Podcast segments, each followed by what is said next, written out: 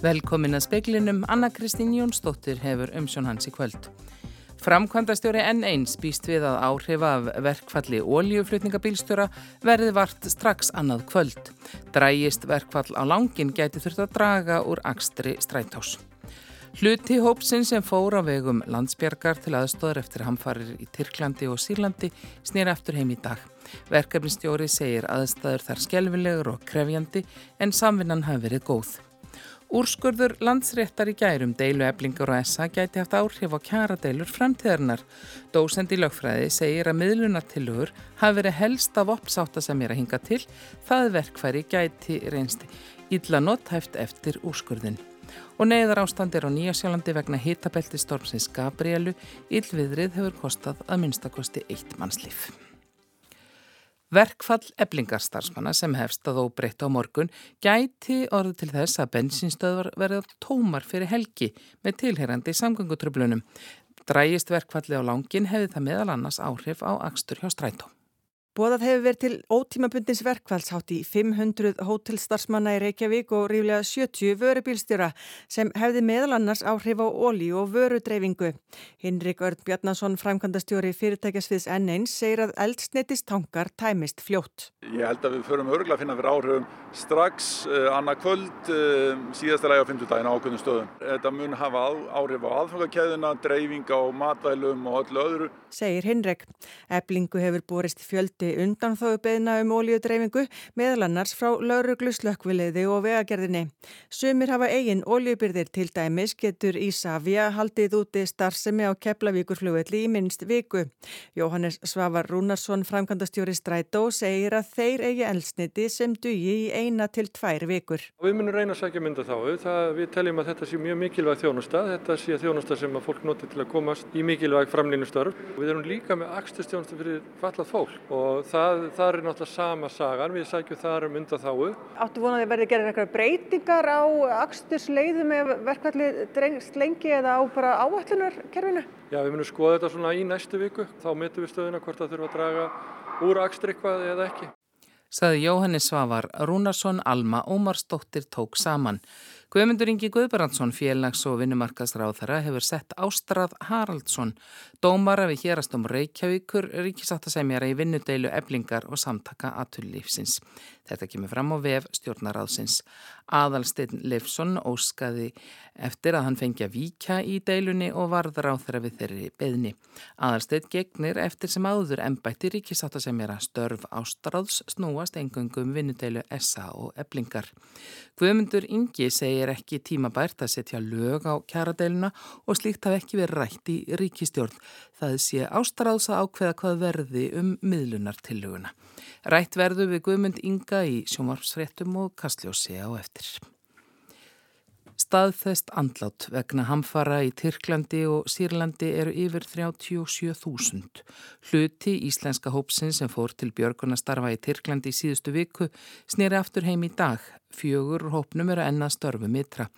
Björgunasveitir frá hátt í hundrað löndum hafa aðstóðað á svæðinu og Björn Jógunnarsson, verkefnastjóri hjá Landsbjörg, segir að samstarfið hafi gengið vel í ræðilegum aðstæðum. Aðstæðunar fyrir heimafólk eru skjálfilegar en, og að, það er mjög hörmulegur atbyrður en Tyrknars stjórnvöld er að standa sér mjög vel í að koma með vistir inn í borgina og hérna, hjálpa til. Það eru yfir 90 alþjóðlega björgunarsveitir á sæðinu. Og hvernig gekk samstarfið? Samstarfið gekk bara nokkuð vel, náttúrulega ólíka skoðanir en það vinna allir eftir sama kerfinu þarna úti.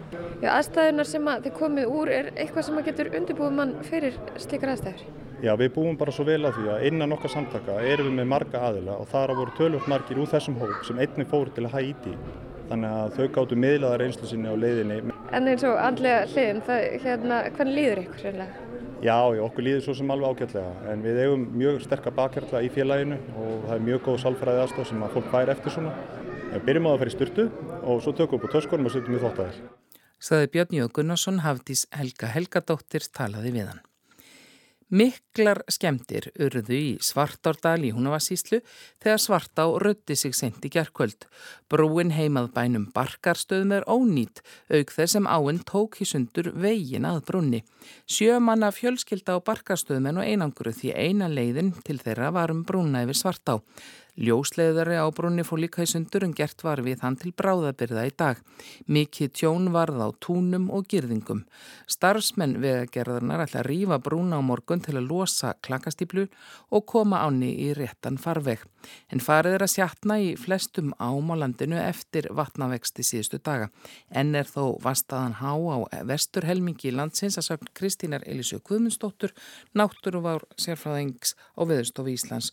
Hún segir ólíklegt að það vaksi jafn mikið í ám á næstunni því að margar ár hafi náð að röðja sig og íbor og kvamstanga hafa verið beðnur um að sjóða allt neysluvatt. Þetta kemur fram á VF Húnaþings. Komið hefur ljósa önnur tvekja Vasslinda var menguð af yfirborsvatni og hefur hún verið tekinn úr nótkunnin enga síður er íbúar beðnur um að sjóða neysluvatnið. Vonast er til að Vassvitan verið komin í samtlag í lok vikunar. Áætlaðar arðgreðslur þryggja stæstu viðskiptabankana fyrir liðið ár nema samtalsum 33 miljardum króna. Af þeirri upphæður enna um 14 miljardar í ríkisjóð, tæplega 10 til lífverðisjóða. Landsbanki, Íslandsbanki og Arjónbanki hafa allir byrt ásreikninga fyrir árið 2022. Íslandsbanki greiði rúma 12 miljardar króna í arð, Arjónbanki 12,5 og Landsbankin 8,5 miljard. Ríkið á landsbankan nánast að öllu leiti og því fellur arðgreysla hans nánast óskipt í ríkisjóð. Af arðgreyslu Íslandsbanka rennar rúmur 5 miljardar til ríkisins enda á ríkið stónan hlut í bankanum. Samtalsfær ríkið því rúma 14 miljardar í sinn hlut af þessum tæpu 33 miljardum króna sem greitar verða í arð af bankunum þremur. Lífeyrisjóðir eru einnig stóri hlutafar í bankunum og fá í sinn hlut tæpa 10 miljardar króna. Samtals fá því lífeyrisjóðir og ríkið um 24 miljardar króna af arði bankana í ár. Aðri hlutafar fá restina eða rúma 9 miljardar króna. Benedikt Sigursson sagði frá. Rústnesk stjórnvöld hafa flutt hundruð badna frá Úkrænu til Rústlands. Teimi fréttamanna innan sambands Evrópskra sjómanstöða hefur grænslast fyrir um tíndubötnin frá Úkrænu og staðfest er að hundruð þeirra hafi verið flutt til Rústlands og þeim komið fyrir á stofnunum í fóstri eða jafnvel ættleit til rústneskra fjölskyldna. Rústnesk stjórnvöld segjast vera bjarga stríðshrjáðum bötnum og koma þeim í fóstur þar til ættingjar þeirra finnist en Úkrænsk stjórnvöld segja þetta skipulagða herrferð og telja börnin sem flutt hafi verið til Rúsland skipti þúsundum frekar en öndruðum. Nikki Haley, fyrirverandi ríkistjóri Suður Karolínu, tilkynnt í dag um forsettaframbóðsi til bandarísku, í bandarísku forstakostningunum haustið 2024. Haley verður fyrsti mótframbjóðandi Donalds Trumps fyrirverandi bandaríkjaforsta þar með. Þau bítast um útnefningu republikana flokksins fyrir komandi kostningar. Haley segir í frambóðstilkynningu að komið sér tíma á að ný kynnslóð setjist í leiðtóasæti í bandaríkjunum. It's time for a new generation of leadership to rediscover fiscal responsibility, secure our border, and strengthen our country, our pride, and our purpose. Og Heili segði þarna styrkja þyrti bandari skildi, efnahag og landamæra vörslu. Hún er 51 áskömmul og var sendið að bandaríkjana hjá saminuð þjóðunum í fórsetatíð Trumps, gæti orðið fyrsti kvenkins fórsetaframbjóðandi republikana og sá fyrsti sem væri af asískum uppruna. I'm Nikki Haley and I'm running for president. Smirilæn er að ebla brunavarnir í norræni til að ráða betur við bruna í ramagsbílum. Mjög mikill hiti myndast þegar bílar með stórum rafluðum brenna vakta þar þá með hitamyndavélum og fylla þá af ísköldum krapa ef það kviknar í þeim. Rafbílum fjölgar og þeir verða algengari í bílaferjum eins og Norrænu sem siklir á milli Danmerkur og Seyðisfjörðar með viðkomu í færium. Ef eldur kviknar í rafbíl eða tvinnbíl með stórum rafgeimum getur eldurinn orðið íll viðráðanlegur. Meiri hiti myndast og eiturgóðs frá raflöðum geta gert slökkvistarf erfitt. Nýverið flutti færeiska kringvarpið fréttir af því að norsk útgerð hefði ákveð að hætta að flytja rafbíla í ferju sem gengur á melli Bergen og Kirkenes. Kringvarpið leitaði viðbræða hjá Smirilæn um hvort útgerðin ætlaði að banna rafbíla um borði í Norrænu. Haft er eftir forstjóra Smirilæn að í stað þess að banna rafbíla verði viðbúnaður aukinn. Óskar Svein Fridriksson, framkvamdastjóri Smirilæn á Íslandi, segir að fyrirtækið hafi þegar gert aðgerða áætlun. Rafbílar verði á sérstökum stað í skipinu og svæðið vaktað með hitamyndavélum. Ef bíl fer að hitna er hann hulin með brunateppi sem er kælt með sjó. Ef eldur kviknar verður krapakerfi notað til að hemja eldin. Útkoman er bara fljótandi krapi sem er það mínus 20 gráður Celsius og ef það kviknar í bifrið þá er það spröyta undir bílinn og inn í bílinn. Það er svona erfiður eld, það er svona heitur. Það er það sem er helst í vandunum bólið skipnum sagði Óskar Sveit Fridriksson, Rúnar Snær Reynisson tók saman. Á morgun hefst önnur lota verkfalla hjá félagsmönnum eblingar. Þegar eru um 300 starfsmenn Íslands hótela og Fosshótela í Reykjavík í verkfalli. Verkfall átt í 500 annara hótelstarfsmanna í Reykjavík og um 70 ólíu og vöruflutningabílstjóra hefst á hátegi á morgun. Landsréttur snýri í kær við úrskurði hérastóms Reykjavíkur um að ebling þurfi að aðfenda kjörskrá sína fyrir atkvæðagreislu um miðlunatillögu ríkisáttasemjara. Landsendur segir að ríkisáttasemjara sé ótvírat heimilt að eiga frumkvæði að því að efna til atkvæðagreislu.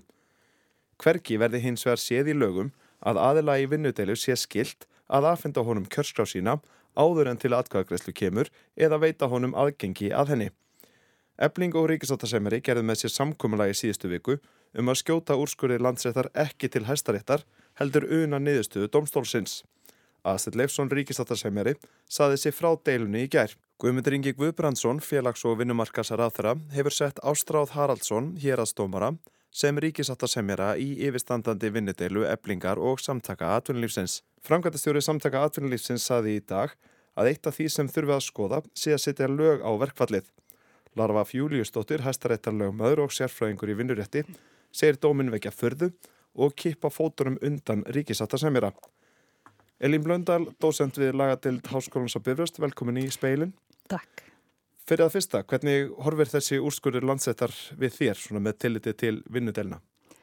Hann er náttúrulega ónættilega sérstakur. Maður hafði búist við eftir niðurstöðu hérastóms hérna fyrir nokkrum dögum að hann myndi standa, ekki endilega hann er því snúið þannig að, að þetta er mjög sérstakt. Nú sittur sáttu sem eru uppi með e, ákveðnar heimildir en getur ekki fyllt þeim eftir gagvart meðlunatillu og þá fennum við að spyrja hvers slags úrræði er þetta eiginlega í lögum um stjættafjölu og vinnundilur og, og, og hérna af hverju hefur þá lögjafin ekki ákveðið að virka það? Þá má spurja sig að því ef að þetta er rétt niðurstöða sem að þarf þá að rína í.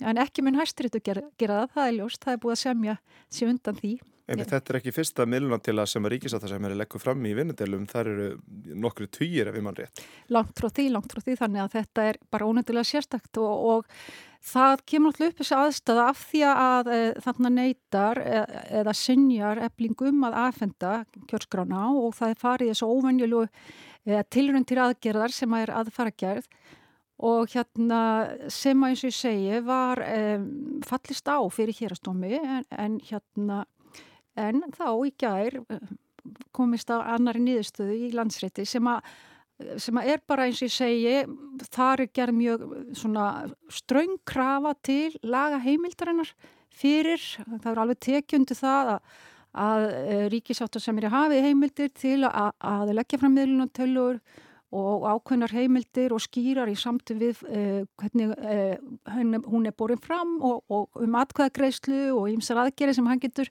farið í. En það að, að það sé ekki hægt að virka þessar heimildir ríkisáttu sem er að eh, eða hann geti það ekki af því það er hægt að neitunum um kjörskran og hann getur ekki þvinga hana fram að þá bara er þetta, já, er þetta þá ekki ónýtt verkværi af þessu leiti En maður spyr sig að því, breytir þessi úrskurður einhverju gagvart sáttaferðlum framtíðarinnar? Er búið að slá öll vopn úr höndum sáttasemjara og eða þarf vinnulag hans að vera skýrara með miðlunatilögur?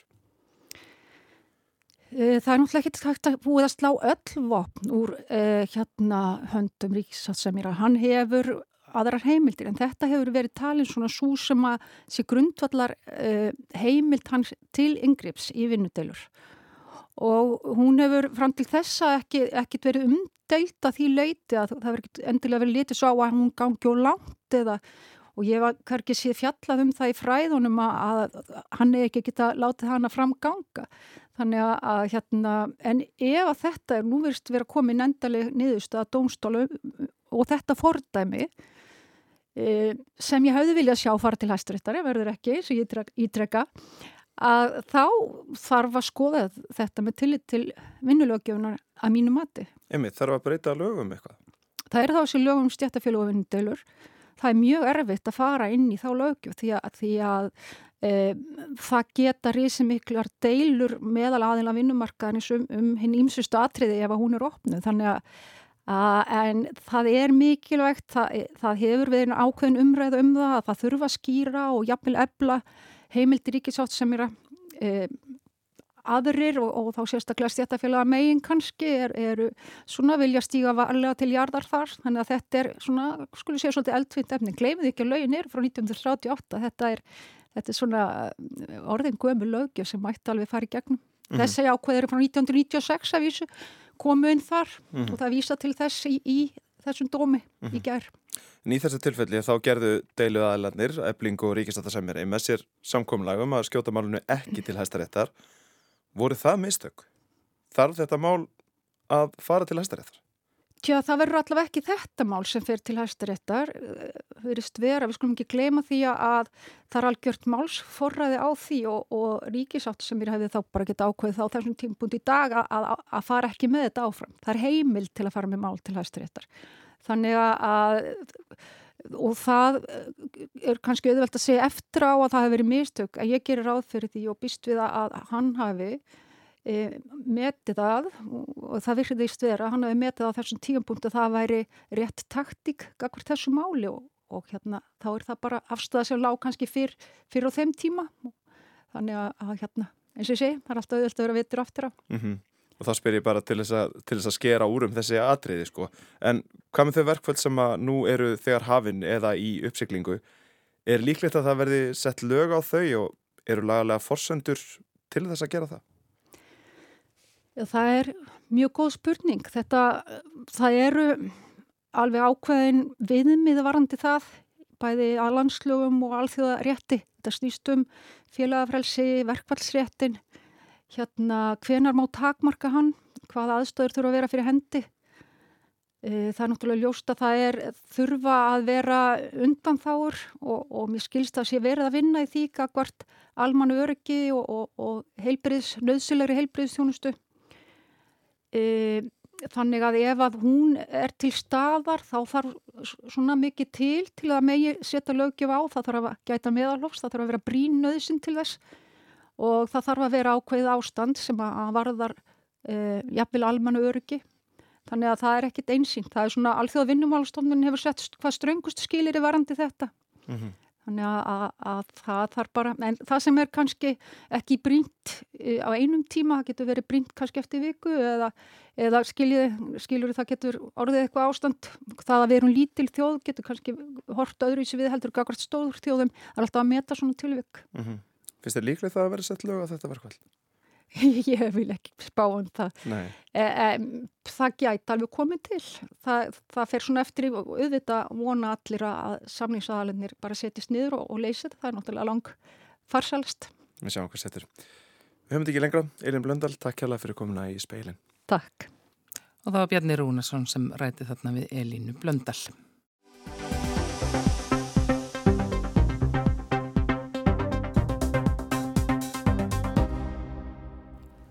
Verkvallsaðgerir vegna kjaradælu eflingar við samtöku atvinnulífsins hafi ekki síst beinst á hótelum og ferðarþjónustu. Bjarniður Hallstóttir, formaði samtaka ferðarþjónustuna, segir að áhrifa þessara verkvalla get, get ekki ætt miklu víðar enn í borginni. Ef að þessar áallanir ná fram að ganga þá er ljóst að það mun hafa mjög mikil og skadilega áhrif á ferðarþjónustuna og ekki bara hérna á höfuborgarsvæðinu heldur mun, munu þau áhrif tegja sig út um allt, út um allt land. Þannig að vissulega setur að okkur upp og við vonum svo sannlega að þetta nái ekki fram að ganga á og það takist lóksins ná lendingu í þessari hörðu deilu. Bent hefur á að laun í ferðarþjónustunum sé ekki há.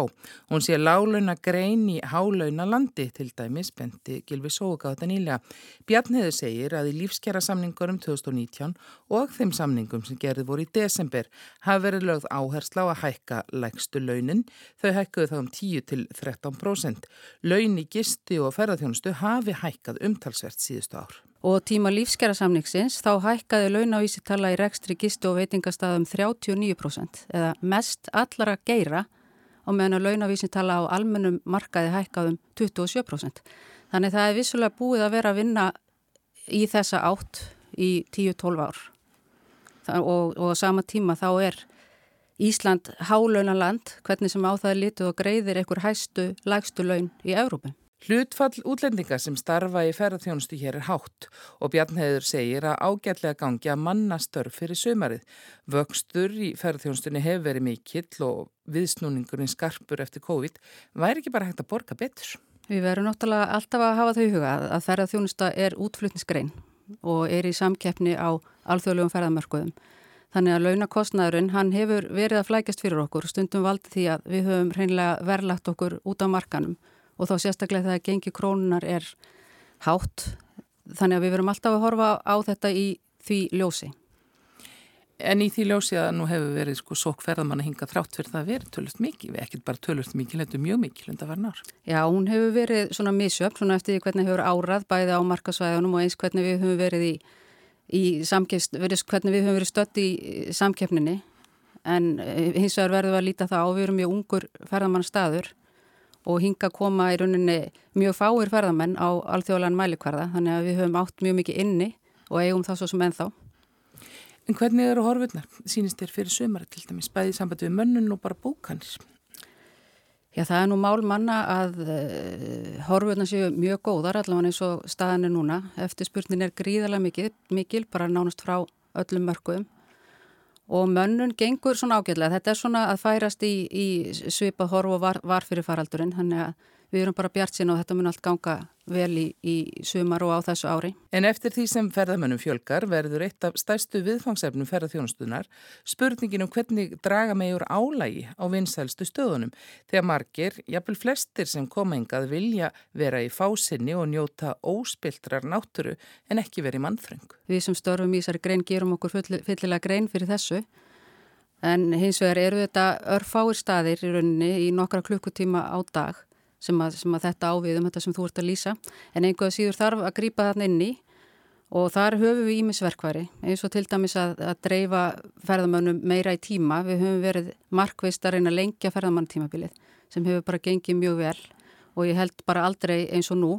Þessi vetur hérna framan af hafi bara verið með þeim bestu í sögunni.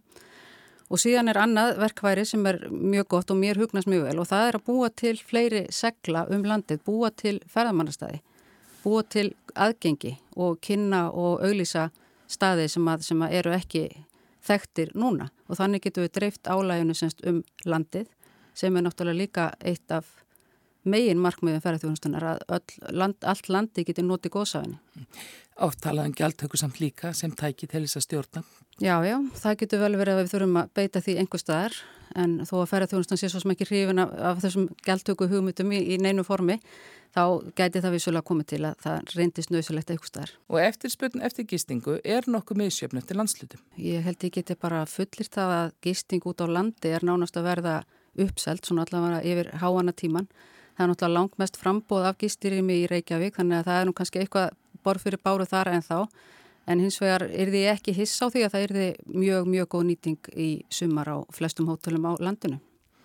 Áhrif af þessum verkvælum Hver eru þau út fyrir höfuborgarsvæð? Já, ef við göngum út á því að eh, allar fyrirætlanir eflingar náðu fram að ganga, sem ég vona svo sannarlega auðvitað verða ekki, þá mun náttúrulega enda með því að, að streymi inn til landsins mun stöðvast vegna þess að flestir ferðarmenn gista fyrstu tvær, eina tvær nætunar í Reykjavík og einni í lokferðar. Og þegar þetta spist út náttúrulega hér sé all logandi verkvöldum þá er mikil hætt á því að fólk einfallega hætti við að, fara í ferðirna sínar. Og eins hefur þetta bara mjög vond áhrif á eh, orðspóru landsins þannig að þetta gæti hugsanlega haft áhrif eitthvað lengra fram í tíman og þetta myndi þá þar alveg hafa áhrif á ferðarþjónustu á öllu landinu ekki bara hérna í Reykjavík þess að flæðiði myndi einfallega stöðvast þannig að það eru fyrirtæki út um allt land sem að sípu segið af þessu af tilkæmi. Saði Bjarnheður Hallstóttir.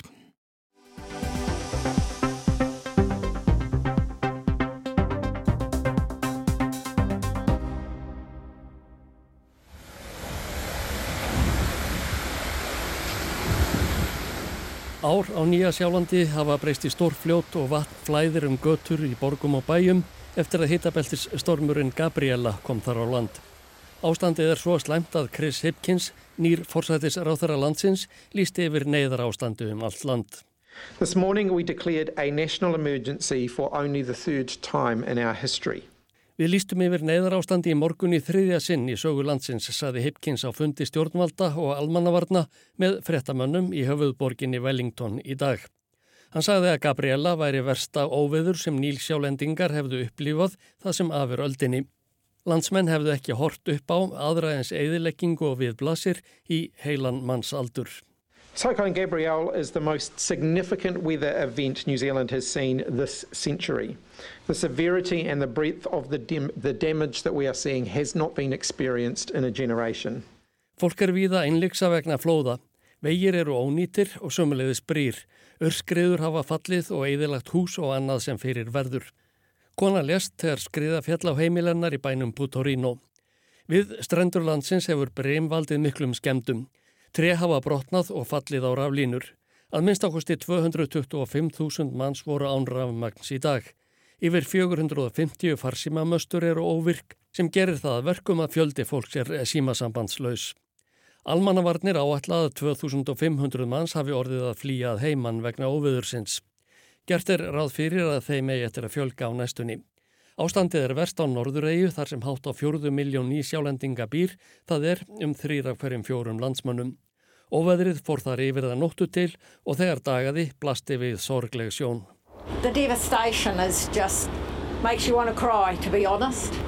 Eðileggingin er slík að mér langar mest til að gráta, sagði kona sem frétta maður Von News, stærstu sjónvarpstöðvar Nýja Sjálands rætti við eftir að byrti. Hvarvetna flætti vatn um götur. Á fréttamyndum og myndskeiðum samfélagsmiðla mátti sjá að fólk reyndi að bjarga sér svo sem með því að skrýða út um glukka á húsum sínum og leggjast til sunds.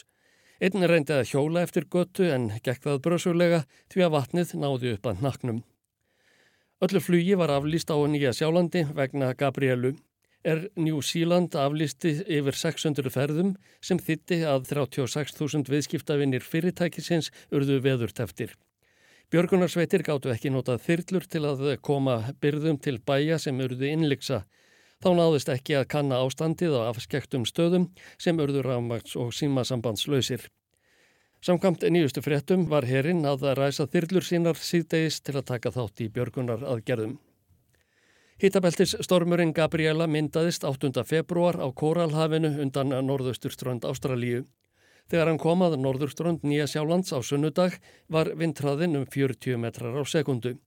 Næsta sólarhingin fjallu um 200 mm regns í strandtíðaröðunum og ölduhæð við ströndina náði 11 metrum. Víða í landinu var jarðvegurinn renn blöytur eftir úrhelli hálfu mánuði áður. Að sögn veðurstofunar og flúvellinum í Okkland hefur ringt álíka mikið síðastleina 45 daga og í meðalári. Á Rengahöfða, nýrst á Norðureyju, hefur mælst eh, stormur síðastleinar 30 klukkustundir. Dahiti Stone, sérfræðingur í loftslagsmálum við Nýva, rannsóknarstofnunin á Nýja Sjálandi, segir að Gabriela hafi myndast vegna óveinu hlýs sjávar af völdum La Ninja veðurkerfisins og loftslagsbreytinga. Hún sé dæmi um hitabeltis storma sem verða sífælt skæðari vegna veðurfarsbreytinga af mannavöldum. Þá hefur AFP-fréttastofan eftir Kristín Kenny, profesor við Massey Háskólan á Norðureyju, að nýsjálendingar verði fyrir barðin á keðju alvarlegra veðurbreytinga sem hafi byggst smám saman upp með tímanum. Ásker Tómasson tók saman. Veðurhorfur eru þær að það verður sunnan og suðvestanátt, 8 til 15 metrar á sekundu og jél en þurft að kalla um landið norðaustanvert. Hitt heðað 5 stigum en kólnar í kvöld. Bætir í snjókomu suðaustan til sent á morgun og hitti um eða undir frostmarki. En fleiri er ekki speklinum í kvöld, fréttir næst í sjónvarpi og rást 2 klukkan 7 og alltaf á vefnum. Tækrimaður var Kormakur Marðarsson, frétta útsendingu stjórnaði valgeru Þorstinsdóttir, veriði sæl.